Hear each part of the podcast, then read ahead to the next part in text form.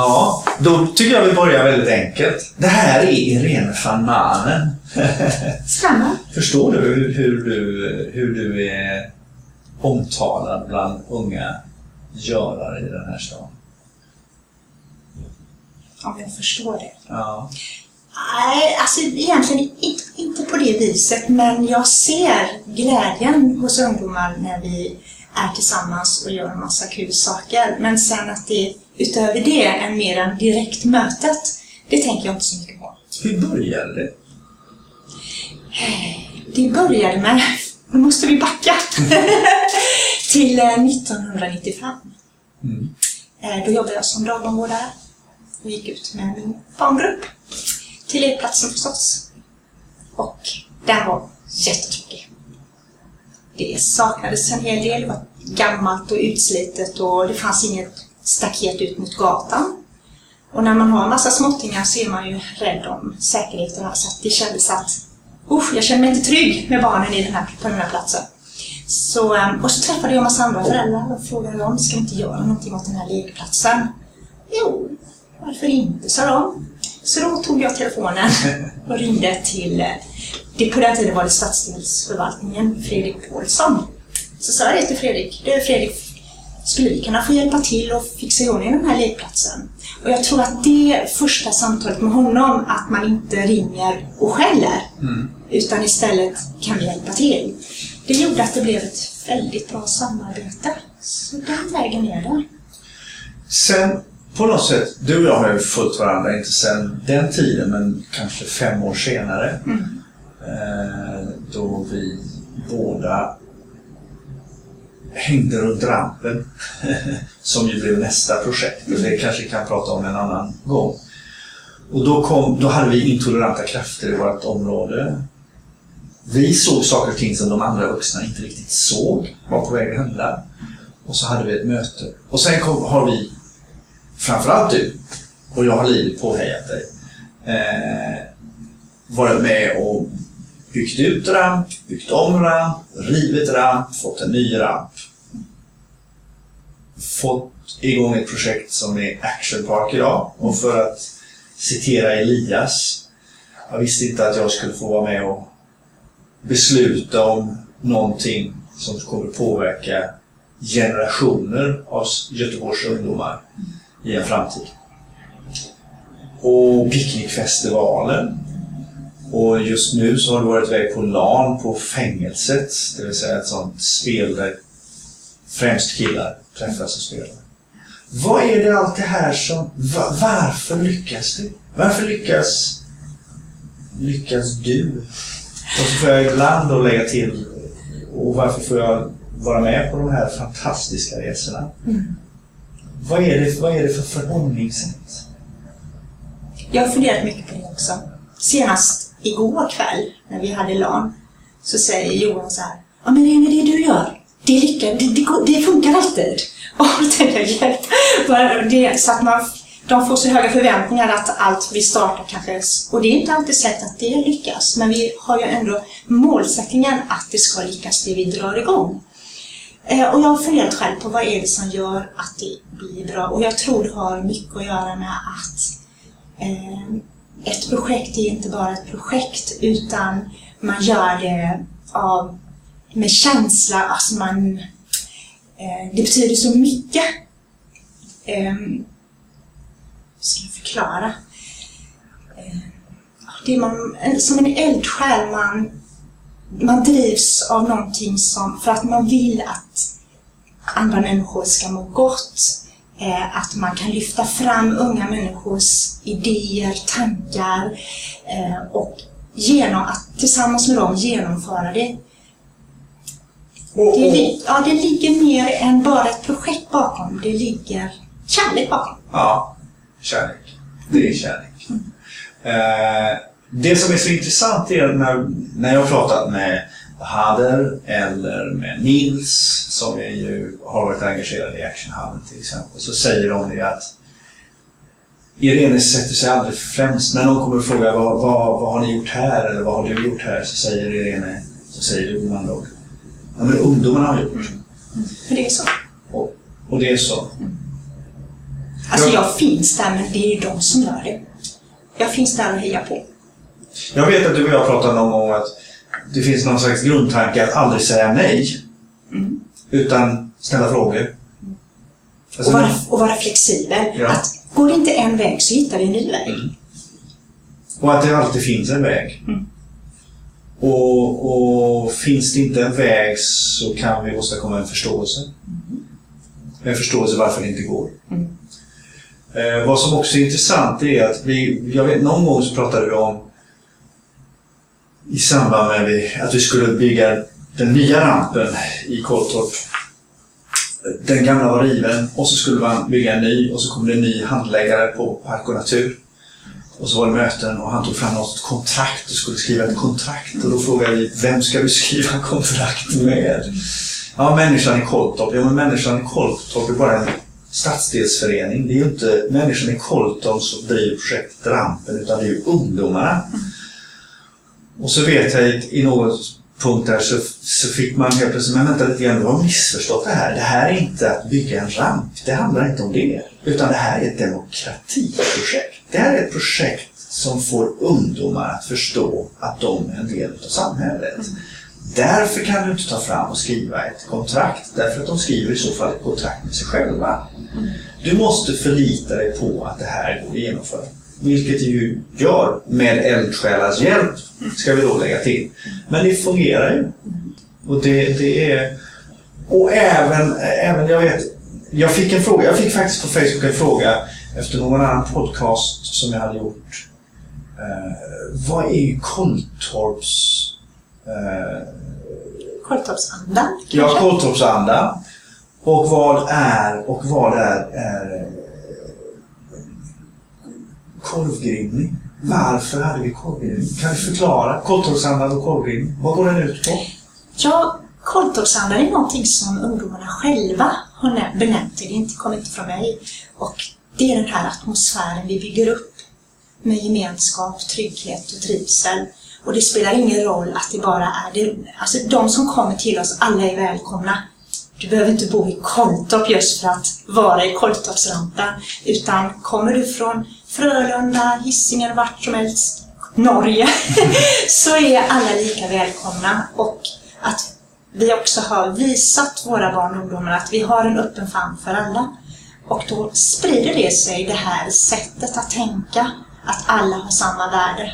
Och det spelar ingen roll om du väljer cykel, kickbike, inlines eller skateboard. Alla är alltid, Eller om du vill göra en picknickfestival. Eller om du vill göra ett LAN. Alla är lika viktiga. Och det, det som är intressant där, tänker jag, eftersom jag möter så många ungdomar varje dag, så är det hela tiden att jag träffar nya personer som inte känner mig igen. Och jag, ser, jag kan se på deras ögon att i början är de, inte alla, men det finns de som är som kanske har, inte har varit i kontakt med vuxenvärlden på ett positivt sätt, som har lite, lite, de är lite misstänksamma. Man ser det på ögonen. De är väldigt avvaktande och undrar vad man är för en figur. Sen när man har träffat dem vid flera tillfällen, man har grillat korv, man har haft möten, man, man kanske ordnar en tävling ihop och så helt plötsligt så märker man någonting. Den där, det här som ett stenansikte nästan, en mask, den försvinner. Och man ser människan bakom och det är en härlig känsla. Och så är de där. Ja. Och så är de med. Ja, och, de, och man ser att det lyser, det lyser om dem. Vad, vad som, vi, vi- jag, vet, jag tror att vi satte ett ord på det. Ett inkluderande förhållningssätt. Och när vi... Kolltorpsandan pratar ju ungdomarna om oavsett om det är actionhallen eller actionpark. Därför att det är liksom ett förhållningssätt att alla är välkomna. Man får förhålla sig till varandra och man får respektera varandra och man får hjälpas åt. Eh, men det inkluderande förhållningssättet när vi när, när Actionparken öppnades så gjorde vi ju, då var vi på ett möte i staden med massa tjänstemän och poliser och, och så vidare. Och så var man lite orolig att det skulle vara negativt och bråk kring den här parken. Eh, och då sa vi, men då får vi ha möte med ungdomar och prata med ungdomarna. Så fick vi frågan, hur gör man då? och då sa vi, då grillar vi korv. Så en dag i veckan så var det korvgrillning. Och du tog ansvaret vissa dagar. Och trygg med, vad heter han, Christian... Christer. Christer Berg... Ja, förlåt Christer. Men, och eh, fältassistenterna Centrum, eh, stadsdelen Centrum eh, tog ansvar vissa gånger. Och så var man där varje måndag tror jag det var. Klockan 17 så kom man dit och så hade man med sig korv och, och grillar. Och då fick vi frågan på det här mötet, hur gör man då? Och då sa vi, då köper man tre grillar. Och då frågade jag, varför då? Varför köper man tre grillar? Därför att man behöver Lite vegetariskt och lite griskorv och Och lite kyckling. och halalkorv. Ja, så. Och, och då, var det, då gick det liksom ett sus. Jaha, ni tänker så. Mm. Och det handlar ju om att vi måste visa i handling att vi inkluderar. Mm. Det räcker inte att bara säga det och, och konstatera åh, vi, nej tyvärr vi har ingen vegankorv idag, men du kan ta ett litet bröd och ketchup. Funkar det? Nej, det funkar inte. Det är ju just det här att det här är ju sprunget ur Kolltorp. Eh, I Biskopsgården så finns det eh, neutrala, eh, neutrala idrottsföreningen. Det finns, eh, det finns massa andra aktiviteter där. I, i Angered finns GUTS, de här tjejerna som, som fick pengar av, av eh, något stipendier när picknickfestivalen inte vann. Och det roligaste av allt var det att picknickfestivalen sa att det var ni värda. Därför picknickfestivalen sa att vi har fått pengar. Vi, vi, vi. De hade precis fått teskedsorden och stipendiet. Eh, och, och kände det. Och det, det tyckte jag var så häftigt att stå där med picknickfestivalsungdomarna och så när Guts vann så, så var det det var nästan större glädje än om picknickfestivalen hade fått det istället. Därför att Guts var liksom de här unga tjejerna som verkligen hade hittat sitt vardagsrum och nu var på väg in. Och, så och det finns säkert massvis med sånt här som har blivit andra saker. Och det skulle vara så roligt att försöka identifiera och hitta och utveckla. Här borta, vi sitter i Majorna just nu, men, och, och här fanns ju här har de, de ju på Karl Johan-skolan gjort en, en streetyta. De har mycket aktiviteter i sitt, jag vet inte vad man kallar det, Majornas... Eh, Om man backar lite i tiden så var ju Kristina Ja. en stor... Hon var ju skatemorsan här Ja. och jag var skatemorsan i Kortorp och vi träffades ju och jag saknar henne jättemycket. Eh, hon lever ju inte längre. Nej. Eh, och vi ordnade tillsammans en stor tävling 2003 i Kortorp och då var vi både vid rampen och vi var även på skolgården där vi byggde en stridyta. Och då fick vi låna grejer från Galaxen här. Det är ju nästan i samma hus som vi sitter i nu. Ja, det är det ju. Det är ju. Ja. Eh, och ja, så det, det var jättekul att vi kunde göra saker tillsammans. Och en av skälen till att vi gjorde det, Mm. hade tävlingar på båda ställena, det var ju att Action Park var på, i vardande, det var på väg att bli till. Och vi ville förhindra att det skulle komma ungdomar från olika stadsdelar. Så var det vi här och de här och så vidare. Så vi ville få ihop de här ungdomarna att träffats innan. Så att när de kom till, till Actionparken så, så var det Kolltorpsandan där så att säga. Alla var välkomna. Sen tänkte jag på en sak till som vi gjorde när man pratar. Eh, oftast är det de här utomhusarenorna är ju sommaraktiviteter. Så då gjorde vi så här att vi ordnade eh, möten när det var lov. Då ordnade jag så att vi kunde boka ja. Eh, och då valde vi för cyklister var där och skejtarna och inläsåkarna. Så då hade jag olika dagar där de fick ha hela Mm. stället för sig själva. Och många av de cyklisterna nu när jag tittar på foton, det är ju de som nu bygger actionöler. Så, och, och de mötena jag försöker göra nu med, för jag har som mål att få försöka få tag i så många ungdomar som möjligt som har varit med eller som vill vara med, Mm. som hänger på på tåget nu. Eh, och eh, prata innan, Mm. göra lite intervjuer. Vad händer nu? Erika till exempel, Erika Östling, Mm. som var med. Och hon, hon var inte den som kanske direkt ville vara med i cirkusen, men hon bakade bullar och grejade i kaféet och höll på med keramik och var väldigt aktiv på, sitt, Mm. på ett annat sätt. Och just detta att man får vara aktiv på olika sätt. På det man är bra på. Ja, För alla gillar inte att stå i centrum. Nej. Utan man är olika och att det ska finnas möjlighet för alla att få göra det man gillar. Idag, nu denna helgen, så hon har ju dragit igång här tillsammans med några till med ljussättning i hela kyrkogården, den östra Mm. kyrkogården. Just det. Så att där är hon väldigt aktiv. Och det ska vara jätteintressant att se vad har det betytt för våra barn och ungdomar att få vara med och vara delaktig i ett projekt som man har startat, genomfört och Och fått credit för. Ja. Alltså blivit, blivit uppskattad för. ja, vad händer med, med ungdomar som får den möjligheten? Har de med sig det i livet sen när de är vuxna? Ehm, Jag har ju en teori. ja. Jag har ju en teori. Och nämligen att det är vad jag kallar innanförskapande. Det vill säga man, man hamnar inte i utanförskap om man har varit med och gjort, tagit initiativ och slutfört i någon form. Antingen genom att konstatera att det inte fungerar och så lärt sig någonting av det. Eller att det fungerade och också lärt sig någonting av det. Då, då, då, då, då vet man att man kan vara med och påverka. Då kan man, då kan man vara här och nu och, och, och verkligen lyckas. Och sen så, när du och jag pratar med varandra, så vi ger ju varandra så mycket idéer. Ja. Det var lite för mycket. Eh, och för länge sedan så pratade vi om tänk och kunna göra ett seminarium. Mm. Och nu är ju faktiskt det på gång. Mm. Eh, där våra barn och ungdomar faktiskt bjuder in vuxna Mm. till att komma till dem Mm. och berätta hur viktig, vikten av att, Avgörande. ja, Och att bli tagen på allvar. Mm, Eh, oavsett om det handlar om skola eller om det handlar om fritid eller om det handlar om eh, ja, vad det än handlar om. Mm. Och att bli synliggjord. Mm. Jag brukar säga det, det, vi skulle kunna förändra hela samhällsklimatet i det här landet om alla som hade hälsat på någon av sina barns dagiskompisar fortsatte att hälsa på dem.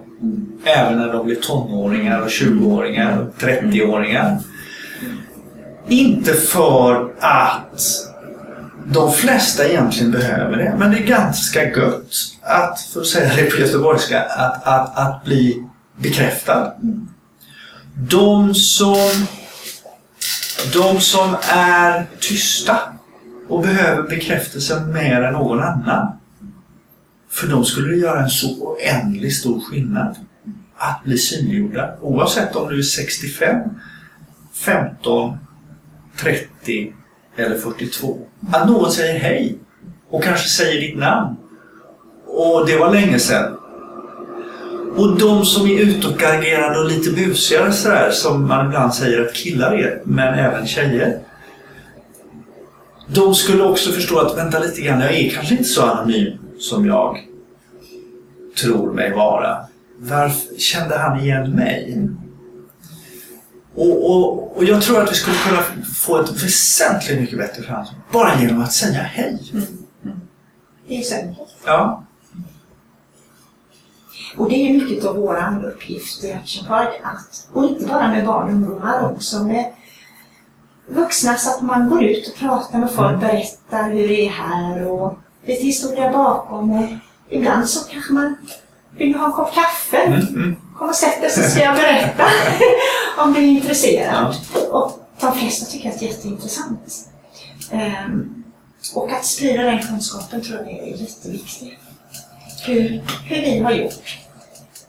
Det, det som är så intressant är, då, då säger vissa så här, men du kan ju inte bjuda korv till alla. Ja, men kostar den här korven så mycket? Jag tror att det gick åt väldigt mycket korv ibland. Eh, även i, vid Kåltorpsvanten. Därför att det kom, det kom 30, 40, ibland fler ungdomar. Jag tror som mest kanske vi hade 70 korvar som åkte ut i någon form. Och det kanske kostade 600 eller 800 kronor för en gång och så fanns det lite kvar och så gick vi ner i din frys och frös in det och så använde nästa gång och så höll vi på så. Men, men det som är så intressant det är ju det att där kom den ensamstående mamman eller pappan, oftast mamman. Och ibland så dök de äldre upp och så helt plötsligt så minskade avstånden mellan generationerna. Och jag kommer ihåg någon gång så var den här diskussionen om vi hade ju våra farbröder som satt och drack öl och, och ungdomarna hade precis infört att man skulle inte röka vid rampen, man skulle inte dricka alkohol vid rampen och man skulle hålla rent. Och, så. och det var ungdomarna som hade eh, med coachning naturligtvis kommit fram till att det var så vi skulle ha det. Då, vill vi, då, då kunde de ju inte vara där. Det blev ju liksom ett problem för oss. Eller en utmaning. Så då kom, då kom vi till den punkten att hur gör vi nu då? Och då sa jag, jag går bort och pratar med dem. Nej, så jag gick bort och så, och så sa jag här, det här funkar inte gubbar. ja, skulle jag skita Vi har suttit här i 30 år eller 20 år eller 5 år i alla fall. 10 kanske. Och så, och så sa men ungdomarna har nu bestämt att de ska inte. Och så var det lite motstånd och så till slut säger det ligger något han säger, vi skjuter en annan vägg. och så sa vi det, men kom och ta en korv. Och det hände ju ibland när vi hade korvgrillar att en av farbröderna eller några kom förbi och tog en korv, tjötade lite och så gick de därifrån. Mm. Och blev ju synliggjorda på det sättet också. Fattar ni hur kul vi har? Tänk om, om fler kunde uppleva detta. Alltså, alltså, för det är faktiskt ja, det, det, är en glädje. Det är en genuin glädje. Och det som du säger också att man nu efter så många år får följa de här fantastiska barnen som nu har blivit ungdomar. Och man, man möts igen och man pratar och man har, någon, man har något gemensamt att prata om också. Annars jag att hade man inte haft byggt upp den här gemenskapen, då vad skulle man prata om? Nej. Men nu finns det någonting. Mm. Någonting som vi, både, som vi tillsammans med våra barn och ungdomar har fått uppleva. Mm. Som lever kvar och som är jätteviktigt. Mm. Um, jag tänkte också på det här med ibland att vuxenvärlden lite grann gör att det blir svårt med inkludering därför att vi sätter så fastliga ramar. Eh, bara en, en sak som hände förra veckan. Eh, jag ringde till eh, lokaltidningen, mm. till Centrum och frågade Skulle det var kul? Jag berättade om mm. scenariet och utställningen och filmen. Filmen får vi inte glömma. Ja. Eh, skulle det vara kul att komma och, och, och, lyssna på vad våra barn och ungdomar gör? Mm. Ja, då skulle hon komma. Hon kom inte. Nej. Så jag ringde dagen på och frågade varför kom du inte? Nej, men jag har inte lovat att komma. Jag skulle ringa dig innan i så fall. Mm. Och förresten, hur många centrumbarn är det? Och då tänker jag, är det det som är det viktigaste? Man ger möjlighet för unga människor att verkligen få träda mm. fram och vara med och bestämma och genomföra och planera och allt det här. Så krävs det också att det räcker inte bara med att du och jag och några till jobbar med på marknivå. Utan det handlar också om att vi möter tjänstemän och politiker som tycker att det här är okej. Okay. Eh, och vi har flera stycken som har varit fantastiska och hjälpt oss eh, med att göra det möjligt. Det finns alltid bromsklossar och de måste man på något sätt kringgå och hitta de här positiva krafterna som ser eller så måste vi nedmontera deras rädslor, för det handlar väldigt många gånger om rädslor. Ja, men alla är inte rädda. Du menar att de har en, en egen agenda? ja, men det, nej, men det finns ju, alltså de som du säger inte riktigt har förståelse att släppa in ungdomar. Alltså många gånger så ställer ju ungdomar frågor varför? Varför ska vi göra så? Varför är det på det sättet? Och det blir ju naturligtvis provocerande. Alla som har haft en fyraåring förstår den provocerande frågan varför kan vara. Varför då? men, men, men ibland så är det ganska nyttigt. Nej, varför ska vi göra så? Varför måste vi göra på det viset? Vi kanske kan göra på ett annat sätt. Jag tänker på Eva Glader. Mm. Utan henne hade det nog varit jättesvårt att få bygga en korvtofsramp. Men hon var ju tuff och lyssnade på ungdomarna. Och tog lite egna beslut emellanåt också och sa vi kör. Och det är klart, det fick hon ju äta upp sen efteråt. Men hon var modig. Och ibland behöver vi sådana här modiga människor som sitter och är tjänstemän eller politiker som säger att men vadå? Det är klart att de ska få göra det här. Det händer ju någonting. Alltså, då kan man säga så här, tack vare att hon hade modet att, att ställa sig på ungdomarnas sida så har vi idag en actionpark. Mm. Vi har en actionhall. Mm. Vi har hundratals, vill jag påstå, ungdomar som även en picknickfestival och, och så vidare som är innanförskap. Mm. De är innanförskapta tack vare vuxenvärldens mod. Och vi måste vara modigare och våga innanförskapa. Sen ska vi vara medvetna om att alla de ungdomar som har mött har ju inte alla gått en rak linje. Men väldigt många av dem som många var väldigt oroliga för har tagit kanske den mest raka linjen. Och andra som kanske då inte var så mycket i, i, i görande och kanske där vi inte hittade ett sammanhang. Och jag vet någon gång så pratade vi om i de här samverkansgrupperna med polis och så vidare att, att vi hade en grupp ungdomar som inte spelade fotboll, inte var intresserad av musik och inte höll på med actionsport. Och, och, och som vi liksom inte... Det handlar inte om att få tag på, men det handlar om att få tag på deras intresse och hjälpa dem att stärka dem i det så att de kunde liksom få den här empowerment pratar man om på engelska, jag har tyvärr inget bättre ord, men att de kunde få styrka att växa i sig själv. Um, och det, alltså, det måste vi våga. Vi måste våga eh, även, även kanske ibland leta upp och, och kre, vara kreativa i vårt sökande efter lösningar utanför de här ramarna. För alla passar inte på en fotbollsplan. Alla passar inte med en skateboard under fötterna. Alla passar inte i de här olika formarna och ramarna som vi har skapat. Och det är lite grann det som utställningen också handlar om. Att uttrycksformen hur den här utställningen ska se ut. Mm. Det är upp till dem som vill vara med. Mm. Vill du visa din, vill du visa din upplevelse med att måla? Då gör du det. Mm. Vill du visa din känsla för vad du har upplevt med foto? Ja, men då gör du det. Mm. Så att vi har inte satt några mallar eller hårda gränser för hur en utställning ska se ut. Så jag vet själv inte hur det kommer se ut. och jag tror att det, det är ett sätt också att våga. Vi måste våga. För jag vet att det kommer att bli bra. Men hur det kommer att se ut, det blir lika spännande för mig som för alla andra. Den här höstfestivalen efter första sommarjobbsommaren i Action Park som var på Världskulturmuseet för då tre år sedan. Det, Då sa intendenten där, eller chefen för Världskulturmuseet som jag har glömt namnet på, som är kultur, kulturattaché i, ja, i, i, Paris. Han var väldigt kort på Världskulturmuseet. Eh, veckan efter så träffade jag honom när vi hade ett uppföljningsmöte och då säger han så jag förstår inte. Jag fattar, vad är det du inte förstår? Nej, jag fattar inte hur 45 ungdomar, tonåringar, på mindre än tre månader kan åstadkomma en utställning och en aktivitet som har lika hög kvalitet som alla utställningar som vi har här på, på Kulturmuseet. Okej, okay, men det vet ju jag att de kan. Ja. Men och som dessutom behöver flera år för att genomföra. Ja, precis. Det var sak. Men när vi gör sånt här så tar det minst två år och det, och, och det kräver oftast en budget på någon miljon eller två. Och jag tror, det fanns nästan inga pengar alls. Alltså det fanns nästan inga pengar alls och ändå så lyckades man åstadkomma det här. Och sen också den här bredden av aktiviteter som våra barn och ungdomar har. Är man skejtare så betyder ju inte det att man inte är intresserad av annat.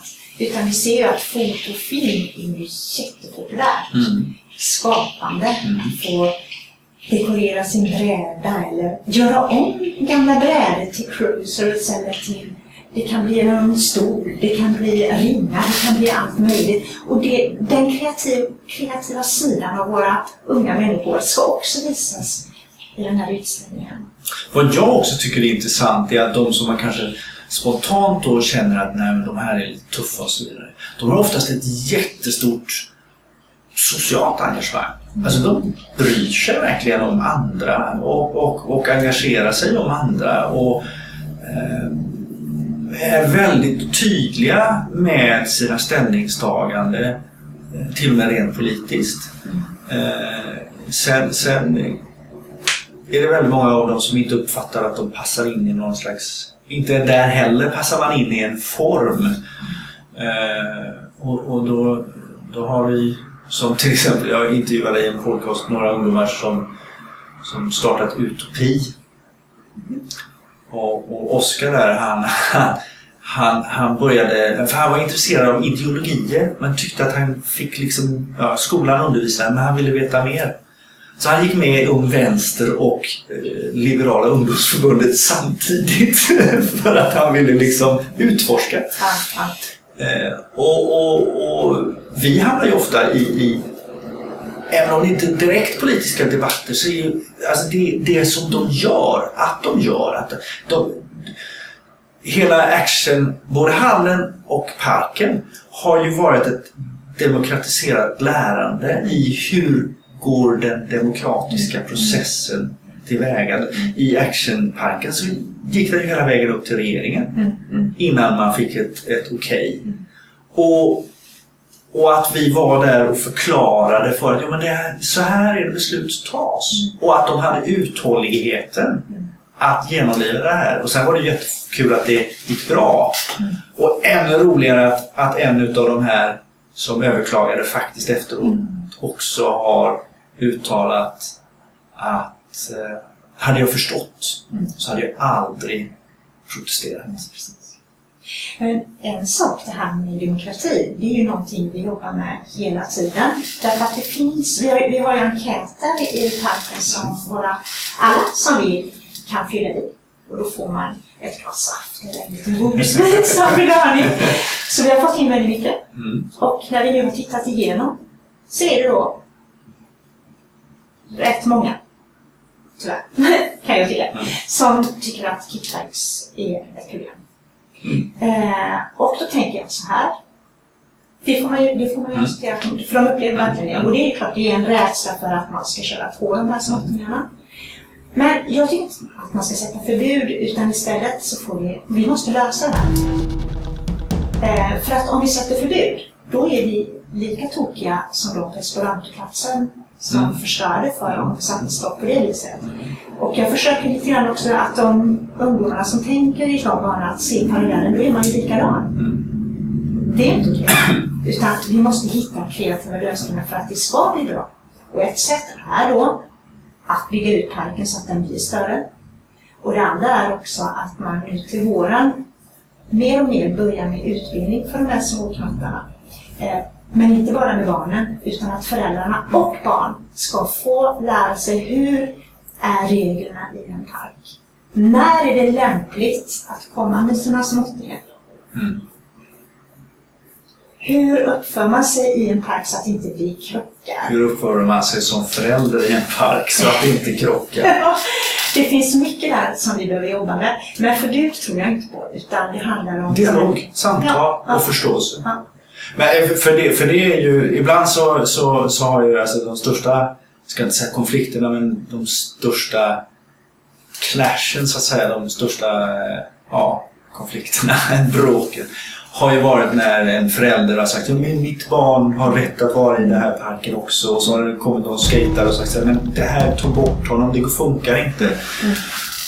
Och så tror de att skejtaren säger så för att jag vill ha parken för mig själv. Men det handlar ju inte om det. Det handlar om att flyger den här skateboarden iväg så kan den här ungen faktiskt skadas för livet. Och ungen förstår inte dynamiken.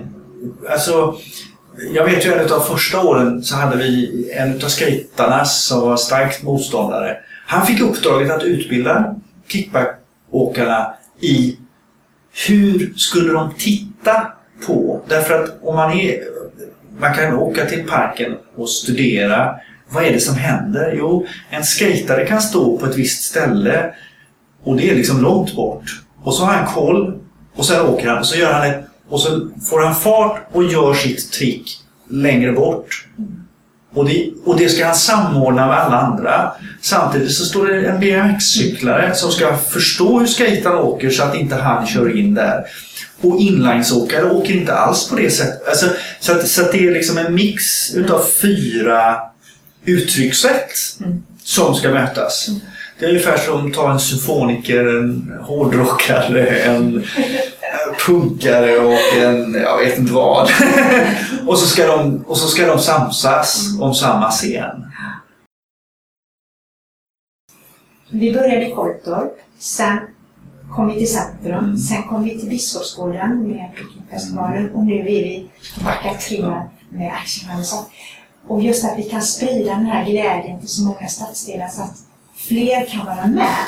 Det är så härligt. Och filmen får vi inte glömma att plantera som ska göras nu tillsammans med Nadine här och, och gänget, Team Accord. Eh, Där sex ungdomar från media, tre killar och tre tjejer, ska skapa en film som ska visas på skola, utställningar, ja, museum, kulturhus, vad, vad, Politikersammanträde. Ja, det är eh, och, och eh, där de visar hur det är att vara ung idag och att man med deras ögon får se till exempel en trappa. För dig och mig är det en trappa att gå upp och ner för att komma någonstans. Men de ser ju helt andra möjligheter med en trappa. Så ja, så det är spännande att se. Jättespännande. Det blir en uppföljning och en fortsättning. Ni förstår alla att vi kan prata hur länge som Ja. helst, Irene och jag. Ja. Men det får det vara slut Ja. för idag. Tack så hemskt mycket. Tack själv, vad Ja. kul att få vara här. Följer vi upp. Ja, så bra. Ja, tack.